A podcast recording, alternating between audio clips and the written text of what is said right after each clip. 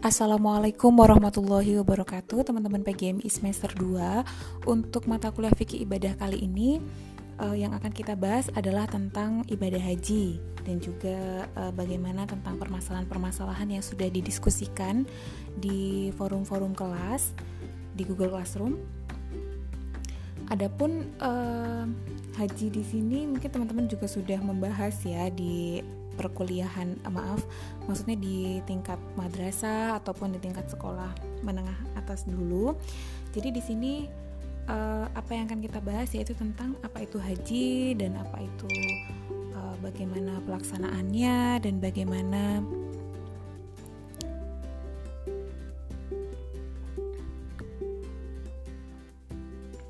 dan bagaimana uh,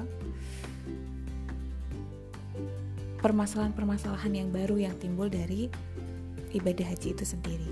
Baiklah kita mulai ya. Untuk haji di sini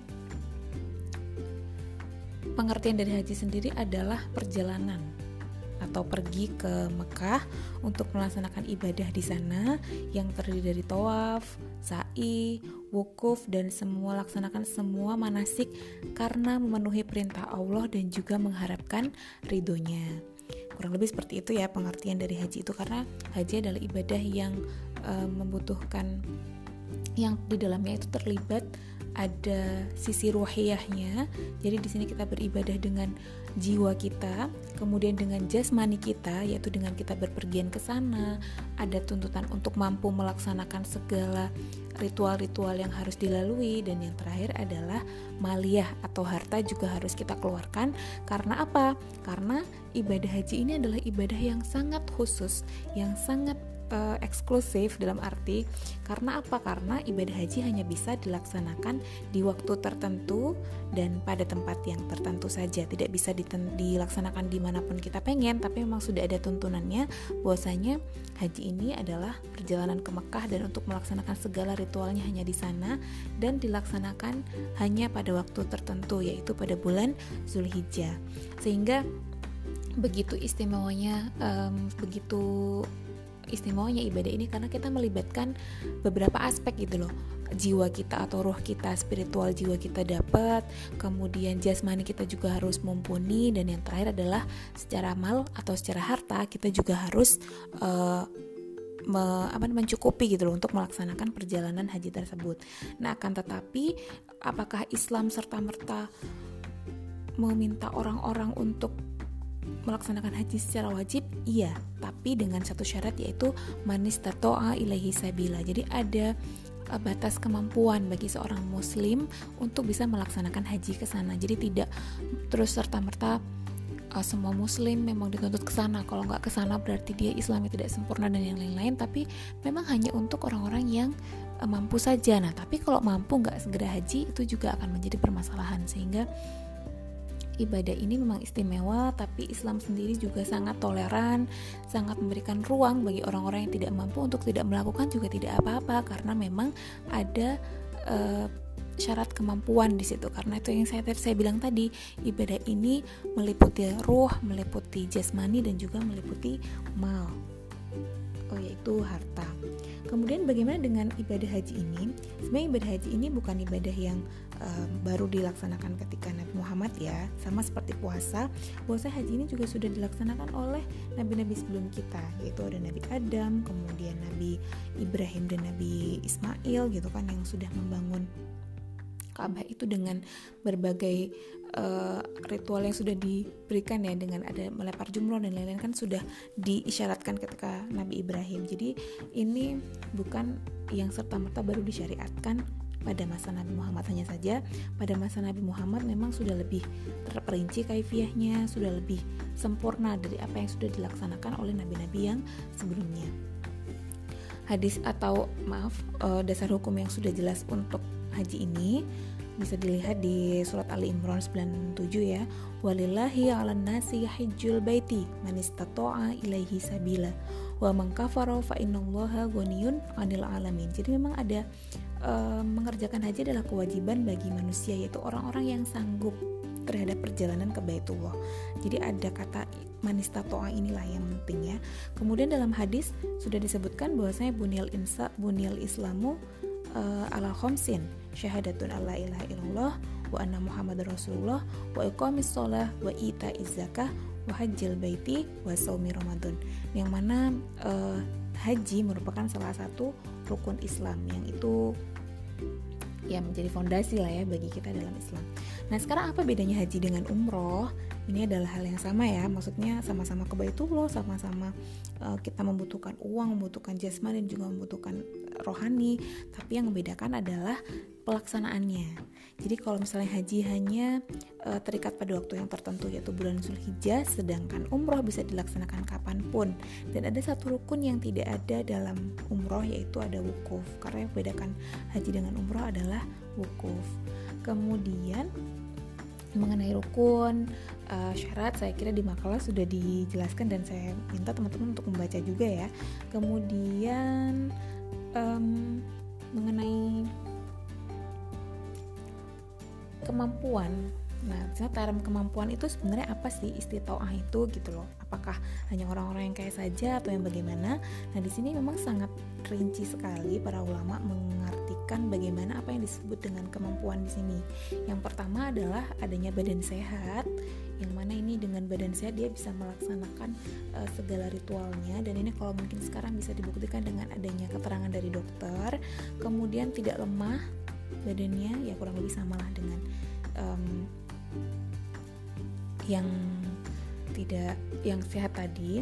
Lalu bagaimana dengan usia lanjut? Nah, usia lanjut ini bagaimana? Jikalau memang usia lanjut ini tidak mampu untuk melaksanakan haji, maka ini bisa dibahas e, bisa dilakukan dengan mengganti haji kepada orang lain. Namun dalam kebijakannya di Indonesia sepertinya jikalau ada um, di atas 75 tahun itu bisa melaksanakan haji asalkan didampingi oleh mahromnya entah itu putranya atau siapa pun yang bisa mendampingi beliau kurang lebih seperti itu. Tapi jika lo memang benar-benar sudah tidak berdaya tidak bisa ngapa-ngapain nah maka itu bisa digantikan oleh orang lain. Kemudian yang ketiga adanya keamanan dalam perjalanan. Jadi kalau misalnya ada keama ada uh, gangguan yang sekiranya itu ada peperangan ada gencatan senjata ada apa atau apa itu bisa um, tidak usah melaksanakan haji nggak apa-apa Kemudian adanya kelebihan nafkah dari kebutuhan pokok. Jadi kalau memang uangnya sudah cukup untuk kebutuhan sehari-hari, uh, kemudian ada sisa, nah itu bisa melaksanakan ibadah haji. Kemudian saya sempat ditanya ya bagaimana kemudian kalau misalnya dia itu sampai uh, anak-anaknya tidak terurus yang penting dia pengen haji nah ini bagaimana dong untuk yang kayak gini berarti dia belum isi toah secara keseluruhan gitu loh. Karena meninggalkan generasi atau meninggalkan keluarga tidak bertanggung jawab terhadap keluarga sebagai kepala keluarga juga merupakan sebuah kesalahan gitu loh. Jadi ya udahlah nggak usah maksa dulu gitu. Karena Islam sendiri juga tidak um, memaksa tapi ada batas kemampuan yang ditunjukkan dalam ayat Al-Quran. Kemudian adanya fasilitas untuk ke sana dalam arti ada kendaraan dan lain-lain nah kemudian yang ditanyakan teman-teman hampir di setiap kelas itu bagaimana dengan penundaan atau peniadaan haji karena keadaan. Nah, mungkin sekarang ini yang terjadi adalah wabah gitu kan. Bagaimana dengan wabah-wabah corona atau mungkin wabah-wabah pandemik yang lain yang mungkin akan terjadi atau mungkin sudah terjadi. Kemudian haji harus ditiadakan, Masjidil Haram harus ditutup. Nah, ini bagaimana? Nah, ini bukan ini juga tidak menjadi sebuah permasalahan gitu loh. Maksudnya ini adalah suatu hal yang bisa ditolerir dan saya yakin para ulama-ulama sudah mengijtihadkan ini gitu loh. Bahwasanya bukan sebuah permasalahan ketika kita harus menutup haji demi kemaslahatan. Karena dengan berkumpulnya orang-orang di Masjidil Haram apalagi Masjidil Haram itu adalah pusat dunia ya yang mana setiap warga negara dari berbagai dunia itu bisa berkumpul di situ itu akan lebih uh, apa namanya madorot. Karena penyebaran virus ataupun wabah itu tadi akan semakin cepat untuk menyebar gitu dengan adanya berkumpulnya banyak orang. Nah, apakah serta merta ini hanya baru terjadi di 2020? Ternyata tidak. Ada di sejarah itu ada yang mencatat 30 kali, ada yang mencatat tiga kali dan lain-lain. Namun yang sangat diingat adalah yang pertama adalah ketika peperangan. Jadi Rasulullah pun maaf, Rasulullah atau sahabat gitu ya, itu pernah menutup Masjidil Haram karena terjadi peperangan karena ada uh, antara dari kafir dan juga muslim itu masih ada sesuatu perjanjian atau gencatan senjata sehingga Masjidil Haram harus ditutup. Itu yang pertama. Kemudian yang kedua yang saya ingat adalah ketika pada masa Abbasiyah. Jadi ketika masa Abbasiyah ini ada perperangan yang mana itu mengharuskan untuk menutup Masjidil Haram supaya tidak terjadi kemadorotan, kemafsadatan yang terjadi di dalam Masjidil Haram. Sehingga itu ditutup dan haji ditiadakan pada tahun itu. Jadi ini bukan kali pertama haji itu ditutup, tapi jikalau itu memang demi kemaslahatan, maka itu tidak menjadi permasalahan. Toh um, apa namanya? di tahun yang akan datang juga akan tetap bisa dilaksanakan gitu loh dengan menambah kuota atau dengan kebijakan-kebijakan yang lain. Kemudian mengenai seorang perempuan, ini kayaknya saya harus langsung menjawab pertanyaan dari teman-teman. Bagaimana dengan seorang perempuan yang haji? Apakah dia harus memberikan syarat mahram atau yang lain? Memang di sini um, perempuan di dalam nas atau dalam hadis-hadis yang ditemukan gitu kan perempuan itu harus ditemani dengan mahram ketika harus ketika ber, uh, ketika keluar dengan ketika keluar jauh tan jauh gitu ya harus ditemani dengan mahram. Nah akan tetapi dalam hal haji di sini uh, kita sama-sama tahu ya kita sama-sama melihat bagaimana proses perjalanan haji itu sendiri. Kalau dibandingkan dengan masa yang lalu, di mana akan banyak kejahatan dan juga akan banyak kemadorotan. Jika itu terjadi di masa sekarang, sudah ada tim haji, sudah ada pendamping haji, sudah ada tour, sudah ada apa ya istilahnya lembaga yang KBIH gitu kan yang benar-benar mengurusi setiap uh, apa namanya para jamaahnya sehingga jikalau memang tidak menggunakan mahram juga tidak menjadi sebuah permasalahan. Karena uh, pihak Kemenak sendiri juga tidak mengharuskan itu gitu karena pihak Kemenak sudah merasa bahwasanya perjalanan ini aman bisa menjamin keselamatan para perempuan-perempuan. Nah, akan tetapi jika sudah berada di Makkah uh, di Makkah ataupun di Masjidil Haram ataupun di Madinah karena memang di sana kulturnya masih uh, sangat berbahaya apabila perempuan itu keluar malam-malam karena emang di sana tradisinya kalau ada perempuan malam-malam nanti dikira perempuan yang tidak benar dan lain-lain maka kita harus mengikuti adat yang ada di sana. Jangan terus kita peh udah keluar apa namanya sama kemenak kita kan boleh nih haji sendirian tanpa ada mahram tapi kita juga harus menyesuaikan situasi dan kondisi yang ada di Makkah al Mukarramah. Kemudian hmm, untuk haji yang mengganti orang lain ini bagaimana untuk menggantikan haji kepada orang lain itu ada dua macam, yaitu menggantikan haji orang yang telah mati. Misalnya beli dia sudah bernazar untuk menunaikan kewajiban haji, tapi karena itu belum terlaksana dan beliau sudah meninggal dulu, duluan, kemudian bagaimana? Nah ini bisa uh, dengan menghajikan dihajikan oleh orang lain gitu loh, dengan menggunakan uang yang sudah dia uh, tinggalkan ketika meninggal gitu kan. Saya ada harta peninggalan itu bisa dilaksanakan kemudian yang kedua adalah um, menggantikan haji orang yang masih hidup yang seperti yang misalnya sudah usia lanjut benar-benar sudah tidak bisa ngapa-ngapain tapi sudah terlanjur terdaftar. Kemudian ini bagaimana dong? Itu bisa juga digantikan dengan orang lain. Akan tetapi syarat bagi orang yang menggantikan uh, haji itu tadi adalah yang sudah melaksanakan ibadah haji. Jika orang itu sudah melaksanakan ibadah haji, maka dia bisa menggantikan atau bisa menjadi haji badal bagi orang yang sudah meninggal ataupun orang yang masih hidup. Kemudian apakah si pen pengganti atau si orang yang menggantikan haji tersebut dapat pahala atau enggak? Di sini uh, banyak para ulama yang mengatakan tetap dapat pahala akan tetapi bagaimana pahalanya itu yaitu adalah mutlak kewenangan Gusti Allah ya. Tapi memang tetap ada uh, pahala yang bisa diterima oleh orang yang sedang menggantikan haji. Bahkan di sini ada jasa gitu loh. Di Mekah itu ada jasa orang-orang yang ingin uh, menggantikan haji gitu loh. Biasanya kalau itu staraf karyawan itu harganya lebih murah daripada mahasiswa. Jadi memang di sana sudah ada jasa untuk uh, melaksanakan haji tersebut. Kemudian bagaimana dengan hajinya anak-anak gitu kan? Ini kayaknya saya langsung menjawab pertanyaan teman-teman ya. Kemudian bagaimana dengan hajinya anak kecil? Apakah ini sah atau tidak? Haji anak kecil tetap sah akan tetapi itu tidak menggugurkan uh, kewajibannya untuk haji lagi di kemudian hari. Karena memang belum mencapai balik kan jadi dia wajib haji lagi gitu loh. Karena ini di dalam hadis juga demikian barang siapa anak-anak telah haji kemudian ia balik maka ia wajib haji kembali. Barang siapa budak yang telah haji kemudian dia merdeka maka dia juga wajib untuk berhaji kembali. Jadi memang kalau memang belum balik ya itu tidak menggugurkan kewajibannya untuk melaksanakan haji. Kemudian hmm, bagaimana dengan penggantian niat gitu ya? Penggantian niat antara yang mungkin awalnya haji kiron menjadi haji ifrod apakah itu diperbolehkan. Nah ini biasanya semuanya itu sudah tersistem ya mbak dan mas.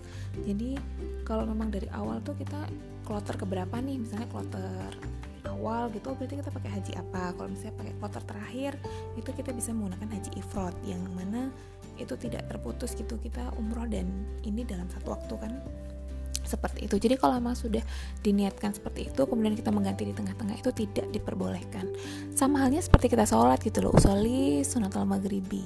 Terus di tengah-tengah aku mau sholat sunnah dulu, ya nggak bisa. Berarti kita tidak bisa mengganti niat itu di awal-awal. Karena begitu kita sudah niat di mikot, itu kita sudah seperti ketika mau sholat dan itu um, memang harus di ya memang itu harus dijalani sampai akhir kurang lebih seperti itu ya kemudian hmm, mengenai tidak melaksanakan salah satu rukun haji. Nah ini bagaimana dengan salah satu rukun? Misalnya seorang perempuan yang tiba-tiba haid sebelum melaksanakan tawaf ifadah atau tawaf yang terakhir itu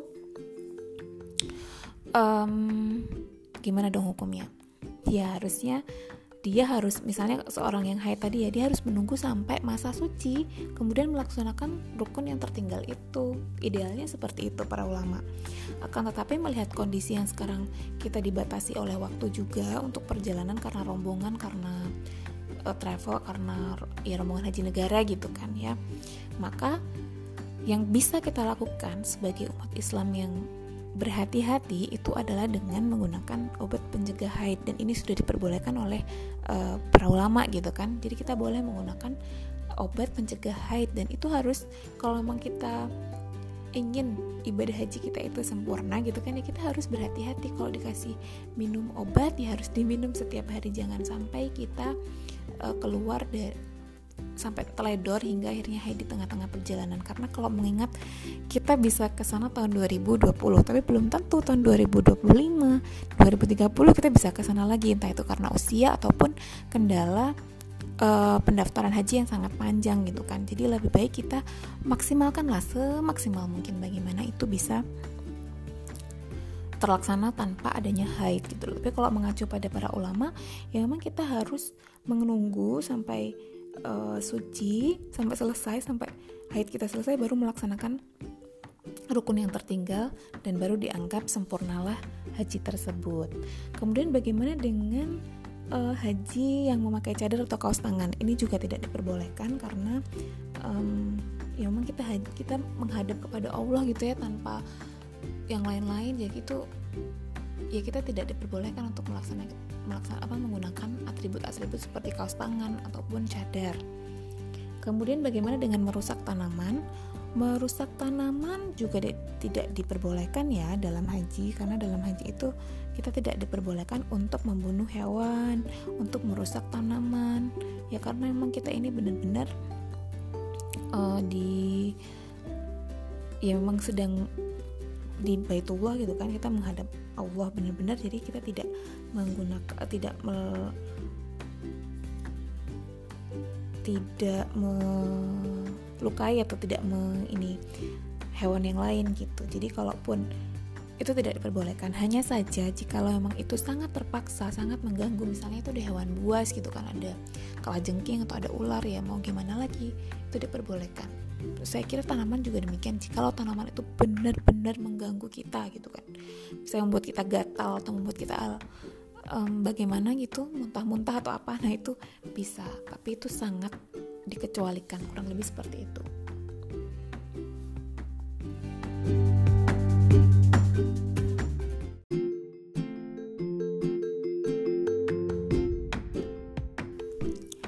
Nah, untuk pertanyaan yang belum terjawab yaitu tentang bagaimana dong dengan panggilan-panggilan haji, hajah yang itu sangat lazim terjadi di Indonesia. Nah, itu sebenarnya um, jika kita melihat budaya itu memang hanya ada di Indonesia ya atau mungkin di beberapa negara yang lain.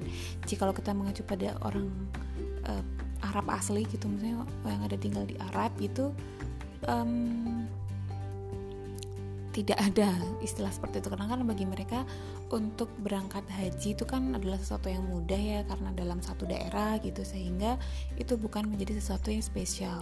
Kalau itu terjadi di Indonesia ya memang karena kita melihat uh, saya tidak menyalahkan panggilan-panggilan ini gitu loh. Karena memang akses kita untuk bisa haji di masa yang dulu bahkan masa yang sekarang itu kan juga sangat um, susah gitu kan kalau dulu karena biayanya yang mahal jarak tempuh harus menggunakan kapal berbulan-bulan menggunakan pesawat juga sangat mahal. Jadi tuh um, orang yang sudah pulang dari perjalanan haji sehingga mendapatkan sebuah panggilan tertentu yaitu bisa dipanggil al-hajj atau al-hajjah gitu kan.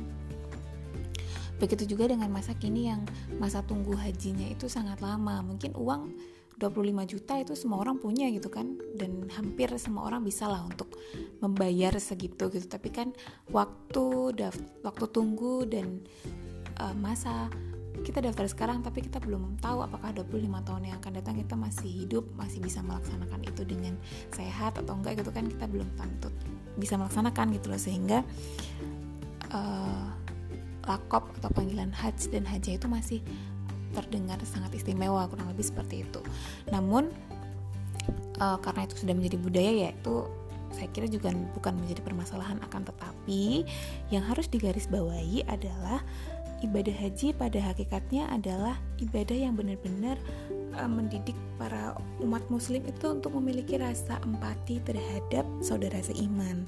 Gimana tidak? Dalam prosesi saja kita sudah harus menanggalkan segala sesuatu. Kita hanya bisa menggunakan kain yang berwarna putih tanpa wangian, tanpa um, tanpa atribut apa pun gitu loh tanpa kita benar-benar hanya sebagai hamba yang ingin datang kepada Allah mengharapkan ridhonya Allah berdoa dan apa ya melepas rindu dan lain-lain lah kepada Allah kurang lebih seperti itu jadi Hendaknya dengan sudah berangkat haji ini, seseorang itu memiliki kepedulian dan tanggung jawab terhadap lingkungan sosialnya itu semakin bertambah gitu loh, bukan terus malah menjadi level yang lebih tinggi uh, bagi mereka-mereka yang belum melaksanakan haji. Jadi itu yang harusnya uh, dipahami dan diterapkan oleh para umat muslim gitu loh. Jadi bukan adanya level haji dan adanya panggilan haji ataupun hajah itu terus menambah uh, kadar status sosial atau kadar keimanan kita tuh jadi lebih tinggi daripada yang belum haji. Tidak demikian gitu loh. Karena kita tidak pernah tahu kalau prinsip saya ya kita tidak pernah tahu doa siapa yang akan dikabulkan oleh Allah gitu loh. Apakah um, orang yang mengaji selama 24 jam atau seorang ayah yang bekerja dari pagi sampai malam untuk menafkahi anaknya atau seorang ibu yang memasak, menyiapkan rumah tangga dari pagi sampai malam untuk keluarganya kan kita tidak pernah tahu ya. Jadi hendaknya ketika seorang itu sudah melaksanakan haji itu bisa melatih atau me memperkuat lah ya atau memper mengembangkan kembali rasa empatinya kepada sesama muslim dan juga ada rasa tanggung jawab sosial juga yang semakin tinggi, eh, kemudian kepedulian juga semakin tinggi, keimanan juga semakin tinggi, kurang lebih seperti itu sih yang harusnya terjadi gitu loh. Jadi pun ada lakop dan tidak ada lakop itu itu kan hanya sebatas budaya ya, tapi keimanan, keseharian itu tetap uh, menjadi tanggung jawab pribadi masing-masing. Kemudian dengan adanya pertanyaan ini saya jadi ingin me bahas tentang orang yang suka berhaji berkali-kali gitu loh. Bahkan ada di daerah saya itu kalau hajinya belum tujuh kali gitu kan ya belum belum sempurna gitu. Akhirnya dia akan terus haji terus menggunakan ONH menggunakan ini menggunakan ini. Nah itu adalah sesuatu yang eh, menjadi problematis gitu loh di masa yang sekarang gitu. Karena melihat kuota yang sangat dibatasi kemudian adanya kan untuk haji yang kedua, ketiga, keempat itu kan sunnah gitu kan ya daripada digunakan oleh satu orang saja kan bisa diisi oleh para pendaftar-pendaftar yang lain. Itu yang menjadi uh, problematika di kalangan para ulama. Dan ini menjadi pembahasan yang sangat sampai menjadi kebijakan gitu loh. Karena kalau seorang haji sekarang kemudian haji lagi itu kan ada pajak progresif yang mana harus dibayar. Yaitu adalah salah satu upaya untuk menghindari orang-orang yang seperti itu. Karena semangat haji saya kira di Indonesia ini masih sangat tinggi ya orang ingin melaksanakan haji. Sampai kalau bisa haji lebih dari sekali why not gitu kan? Tapi harusnya kita lebih um, itu kan karena ibadah sunnah juga jadi harusnya banyak ibadah sunnah yang lain yang bisa kita lakukan selain melaksanakan haji. Umroh juga demikian. Yang awalnya umroh ini adalah sebuah alternatif bagi orang-orang yang aduh hajinya masih lama nih kita umroh dulu gitu kan. Tapi ternyata orang-orang menjadikan umroh itu sebagai sebuah safari gitu kan atau wisata yang itu liburan apa? Liburan umroh. Bulan madu ke mana? Bulan madu umroh. Nah kurang lebih kan seperti itu. Akhirnya pemerintah juga memberikan kebijakan adanya pajak progresif bagi orang yang melakukan umroh lagi ataupun haji lagi dalam kurun waktu berapa tahun gitu kan. Jadi harus ada jedanya. 10 tahun atau berapa tahun gitu untuk bisa melaksanakan haji dan umroh kembali. Saya kira itu adalah sebuah kebijakan yang bagus uh, untuk memotivasi bahwasanya masih ada loh ibadah yang lain selain uh, haji gitu. Kalau misalnya sudah sekali melaksanakan ya saya kira sudah cukup lah. Kemudian itu saja ya kurangnya mengenai haji. Adapun tentang uh, macam-macam ada haji kiron ada haji tamatu dan ada ada haji ifrot itu saya kira bisa dibaca di makalah. Saya hanya menambahkan apa yang perlu saya tambahkan dan um, semoga ini bisa dinikmati dengan baik. Terima kasih kita akhiri pertemuan kali ini yang membahas tentang haji. Wassalamualaikum warahmatullahi wabarakatuh. Tetap semangat jaga kesehatan